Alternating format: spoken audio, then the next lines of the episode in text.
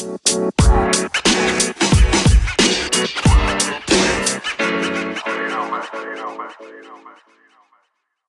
di podcast pertama gue di sini gue belum belum spesifik ya mau buat ini podcast isinya apa. Karena gue juga udah lama pengen punya podcast. Sebenarnya bukan di podcastnya sebenarnya. Gue pengen punya dokumentasi pribadi. Tapi gue juga udah kekurangan waktu untuk nulis. Itu untuk ngeblog. Rasanya juga udah kekurangan waktu. Waktu khusus untuk nge-recap apa aja yang udah gue kerjain. Sepanjang hari apa aja yang udah gue accomplish satu minggu ini satu bulan ini gitu. Tapi gue rasa gue harus ngobrol. Kenapa? Karena sebenarnya beberapa uh, podcast yang gue ikuti itu sebenarnya udah selesai gue dengerin gitu. Uh, ada beberapa podcast yang gue dengerin dan dan kayaknya mereka nggak nggak rutin lagi bahkan mungkin nggak setiap minggu lagi uh, uh, produce uh, podcastnya. Jadi dan gue juga lagi kurang mood ya beberapa waktu belakangan ini untuk dengerin lagu sambil kerja gitu. Jadi gue juga banyak yang mau gue sampein terkait apa yang udah gue kerjain yang lagi gue kerjain. Jadi mending podcast gue pikir. Gue gue, gue kebayang kalau apa langsung gue bikin video di YouTube aja ya gitu sambil ngobrol. Cuman untuk setup kameranya, setup audionya ke kameranya nanti untuk editingin juga gue pikir bakal makan waktu. Jadi mending gue langsung ngobrol aja kita lihat arahnya ke mana. Kalau memang bisa dilakukan terus menerus ya kayaknya bakal berlanjut ke medium lain tapi untuk sementara ini kayaknya bakal cuma podcast. Jadi gue bakal ngobrol sambil bekerja gitu. Gue bekerja kemungkinan uh, sambil gue ngomong siapa tahu ada beberapa poin-poin yang mungkin gue sendiri bisa ambil atau kalian juga yang dengerin podcast ini bisa ambil atau hindari itu ada poin-poin yang bisa kalian ambil poin positif atau poin-poin yang rasanya nggak perlu diambil bisa kalian hindari di ekspertis yang sama gitu di, di apa ya di jurusan yang sama yang sama mungkin yang gue kerjain saat ini. Nah perkenalkan nama gue Cili Branto. Dan sehari-hari gue itu bergelut di bidang web design tapi lebih spesifiknya gue nggak buat uh, gue nggak jadi pekerja atau freelancer untuk ngedesain website orang lain. Tapi gue fokus mengembangkan satu bukan satu ada beberapa website yang gue kembangin dan fokus di bidang SEO gitu jadi uh, eh, gue fokusnya mungkin beberapa uh, di WordPress eh oke okay. gue pakai semua teknologi website yang gue pakai sekarang ini fokusnya di WordPress gue nggak ada waktu lagi lah dibilang untuk coding beberapa kali masih testing-testing untuk coding, tapi lebih ke hobi. Untuk fokus ke produksi, gue langsung pakai WordPress aja. Jadi kalau uh, kalian yang mendengarkan ini juga digital marketer atau web designer, web artisan yang fokus mengembangkan website pakai WordPress, ya mungkin kita bisa diskusi di podcast ini atau di medium lain. Gue gue juga belum tahu ini mau bakal didistribusi, didistribusiin ke mana aja. Nah, selainnya itu gue juga fokus di SEO-nya gitu. Karena kalau yang gue lihat itu hampir 99,8 persennya ini dari data analitik yang gue lihat dari setahun ini. Belum setahun, masih 11 bulan gue fokus di sini aja. Jadi sebenarnya data dari November 2019 itu gue belum ada. Karena gue startnya itu di Desember 2018. Jadi masih 11 bulan menunjukin kalau 99,8% itu audiens gue ke, ke website itu datangnya dari Google itu itu organik dari Google jadi uh, di sini juga bakal satu dua poin sambil di ngobrol di podcast ini gue bakal ngasih tahu gimana sih cara gue uh, mulai dari nol ke 500 visitor cuma dalam satu minggu. Di minggu keduanya bisa gue lipat gandakan ke 5000 visitor. Uh, ini per hari gitu. Gue dari mulai nol gimana apa sih yang gue lakuin gitu yang bersinggungan dengan SEO-nya apa sih yang gue uh, format apa sih yang gue pakai di SEO mungkin plugin apa aja yang gue pakai di WordPress? Atau gimana sih cara penulisan gue di setiap paragraf demi paragraf? Gitu sehingga uh, mayoritas visitor itu datangnya dari uh, Google itu sendiri. Ada dari medsos ada.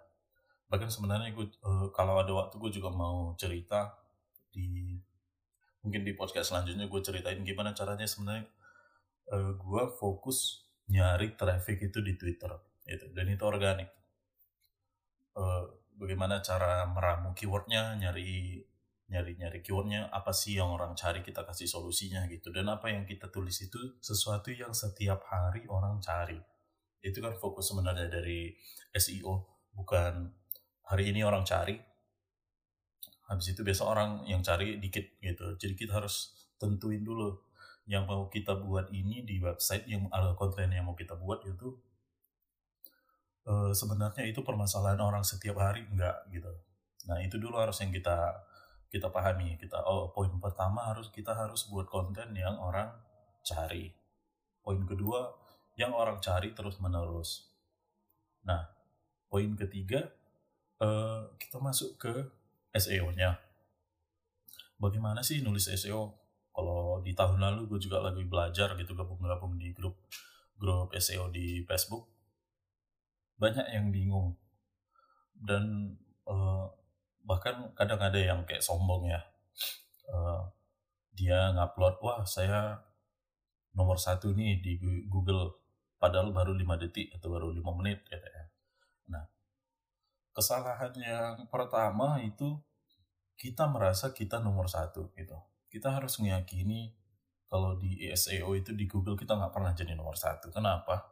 Karena sebenarnya yang kita lakukan itu kalau kita cari dan kita di nomor satu itu sebenarnya yang kita pengen cari kan keyword yang kita pengen gitu nah kalau gue pribadi hampir satu tahun ini gue bergelut di bidang uh, search engine optimization ini dan gue mixing keyword-keyword gue yakin sebenarnya para expert-expert gitu pemula sampai expert itu harus sadar kalau nulis uh, apa kalau bergelut di bidang SEO itu lebih kepada memprediksi orang cari apa di esok hari gitu. Jadi misalnya uh, apa sih uh, contohnya gini misalnya um, berlangganan IndiHome misalnya. Itu kan kita harus kalau cuma di sekedar bergelangganan IndiHome atau promo IndiHome itu yang kita ulang-ulang di kata-katanya kan sebenarnya yang pertama ya um, bacanya juga capek.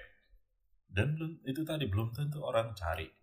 Kita harus prediksi di antara keyword IndiHome ini di kata depan sebelum IndiHome dan sesudah IndiHome kita harus prediksi sebenarnya orang cari apa misalnya oke okay, promo IndiHome uh, Desember 2019 nah itu kan.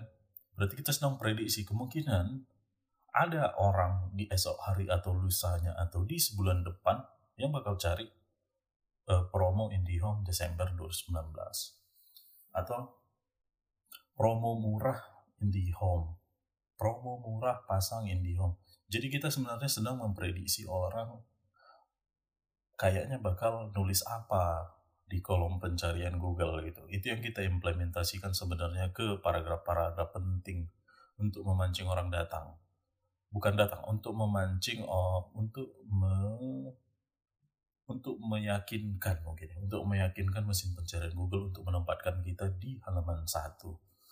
Halaman satu itu nggak harus di uh, list nomor satu. Kan kadang kita lihat jok-jok ya, ada meme, uh, meme-meme gitu yang dibilang bahwa halaman dua Google itu nggak ada yang cari. Ada. Mungkin persennya sedikit gitu. Mungkin ada yang bilang oh mungkin karena sekarang orang udah pakai smartphone jadi yang dilihat cuman uh, hasil pencarian di halaman satu list yang ke 1 2 3 4 aja. 5 6 sampai 10 nggak ada. Ada.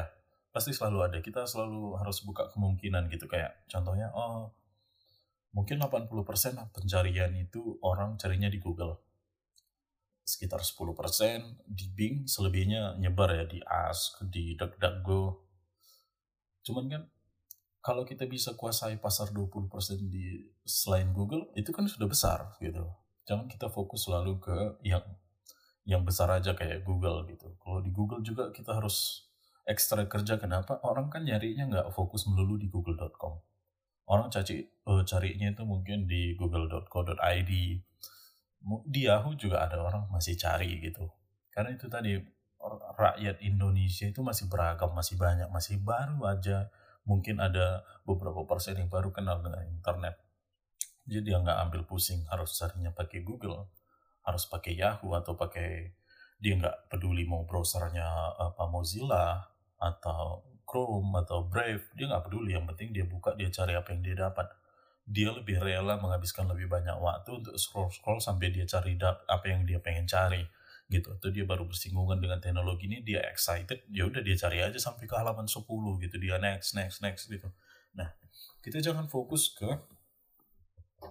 ke halaman satu aja gitu. Kalau kita mau mau lama nih mau anggaplah mau mau berkarir di sini gitu mau mau berharap mata pencariannya di uh, jadi publisher jadi penulis penulis konten gitu yang ber, berpenghasilan dari iklan berharap jago SEO gitu jago lah kita bilang.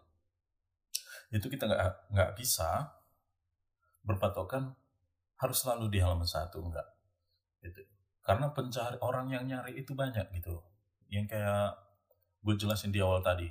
Mungkin ketika kita cari promo pasang IndiHome di Denpasar kita yang nomor satu. Cuma masalahnya ketika orang cari promo murah pasang IndiHome di Denpasar kita nggak nomor satu lagi gitu. Karena kita nggak nggak prediksi sejauh itu. Kita nggak letakin kata murah di situ. Atau kita nggak letakin promo terbaru pasang IndiHome di Denpasar hari ini gitu. Itu kan kita sebenarnya sedang memprediksi uh, banyak hal ya kalau kita tulis yang ini tadi promo murah pasang IndiHome di Denpasar hari ini. Berarti kita sudah memprediksi orang Denpasar yang akan cari promo IndiHome hari ini. Promo terbaru IndiHome hari ini. Promo pasang IndiHome hari ini. Jadi sebenarnya kita harus mixing-mixing kata-kata aja. Nah hal yang pertama harus kita lakukan sebenarnya itu. Kita nggak nggak kalau gue bilang ya sebenarnya kita itu nggak boleh berpatokan kepada keyword planner eh, atau tool-tool lainnya yang lebih ngelihat oh ini keywordnya pendapatannya berapa. Sebenarnya kita nggak boleh. Kalau untuk awal-awal kita masuk ke dunia SEO gitu dan berharap kita bisa ngasih solusi untuk orang kita kita nggak boleh nulis sesuatu itu berdasarkan keywordnya ini mahal atau enggak gitu. Tapi kita harus bisa itu tadi sampai-sampai mahir memprediksi orang cari apa gitu. Karena ketika misalnya kita tulis lagi kita ulang ya yang kayak tadi promo terbaru pasang IndiHome di Denpasar hari ini. Mungkin aja ada yang ngebit itu advertiser itu ada yang ngebit di Google Google AdSense lah kita bilang yang nomor satunya yang paling besar dipakai orang. Itu beriklan mungkin dia ngebit ribu rupiah untuk satu klik di promo IndiHome dan pasar hari ini. Dan ada juga yang ngebit promo terbaru pasang IndiHome hari ini. Gitu. Jadi kita kita nggak boleh fokus di itu saja gitu. Kita tulis semuanya saja. Kita tulis semuanya saja, cuman kita harus enak dibaca kayak yang gue uh, jabarin yang panjang tadi lainnya. Promo terbaru pasang IndiHome di Denpasar hari ini. Itu kan udah enak dibaca ya. Tapi ini udah bersinggungan dengan beragam uh, keyword pencarian yang mungkin dicari pengguna kan promo IndiHome hari ini, promo IndiHome terbaru, promo IndiHome dan pasar terbaru hari ini. Cuman dari satu line kalimat promo terbaru pasang IndiHome hari ini di Denpasar. Jadi mungkin ke depannya gue bakal ngomongin itu tadi uh, mengenai WordPress, SEO juga gue bakal jabarin lebih detail bagaimana gue ngejalaninnya selama ya hampir satu tahun ini dan ke depannya mungkin ada rumus-rumus atau mantra-mantra apa yang gue pakai supaya gue tetap bisa bertahan di area pekerjaan yang ini. Dan mungkin plugin-plugin apa yang gue pakai, apa yang gue hindari, apa yang gue kerjakan, bagaimana cara gue bekerja, bagaimana formatnya, dan gue juga mau ngomongin mengenai uh, eh, AMP juga nih, gue juga ada beberapa mungkin kekes, bisa dibilang kekesalan ya terhadap teknologi AMP sehingga membuat uh, eh, 54% penghasilan gue menurun cuma karena gue sehari nginstal AMP gitu. Gue juga udah ikut-ikutin beberapa workshop-workshop AMP gue kan nemu jawaban yang gue mau gitu.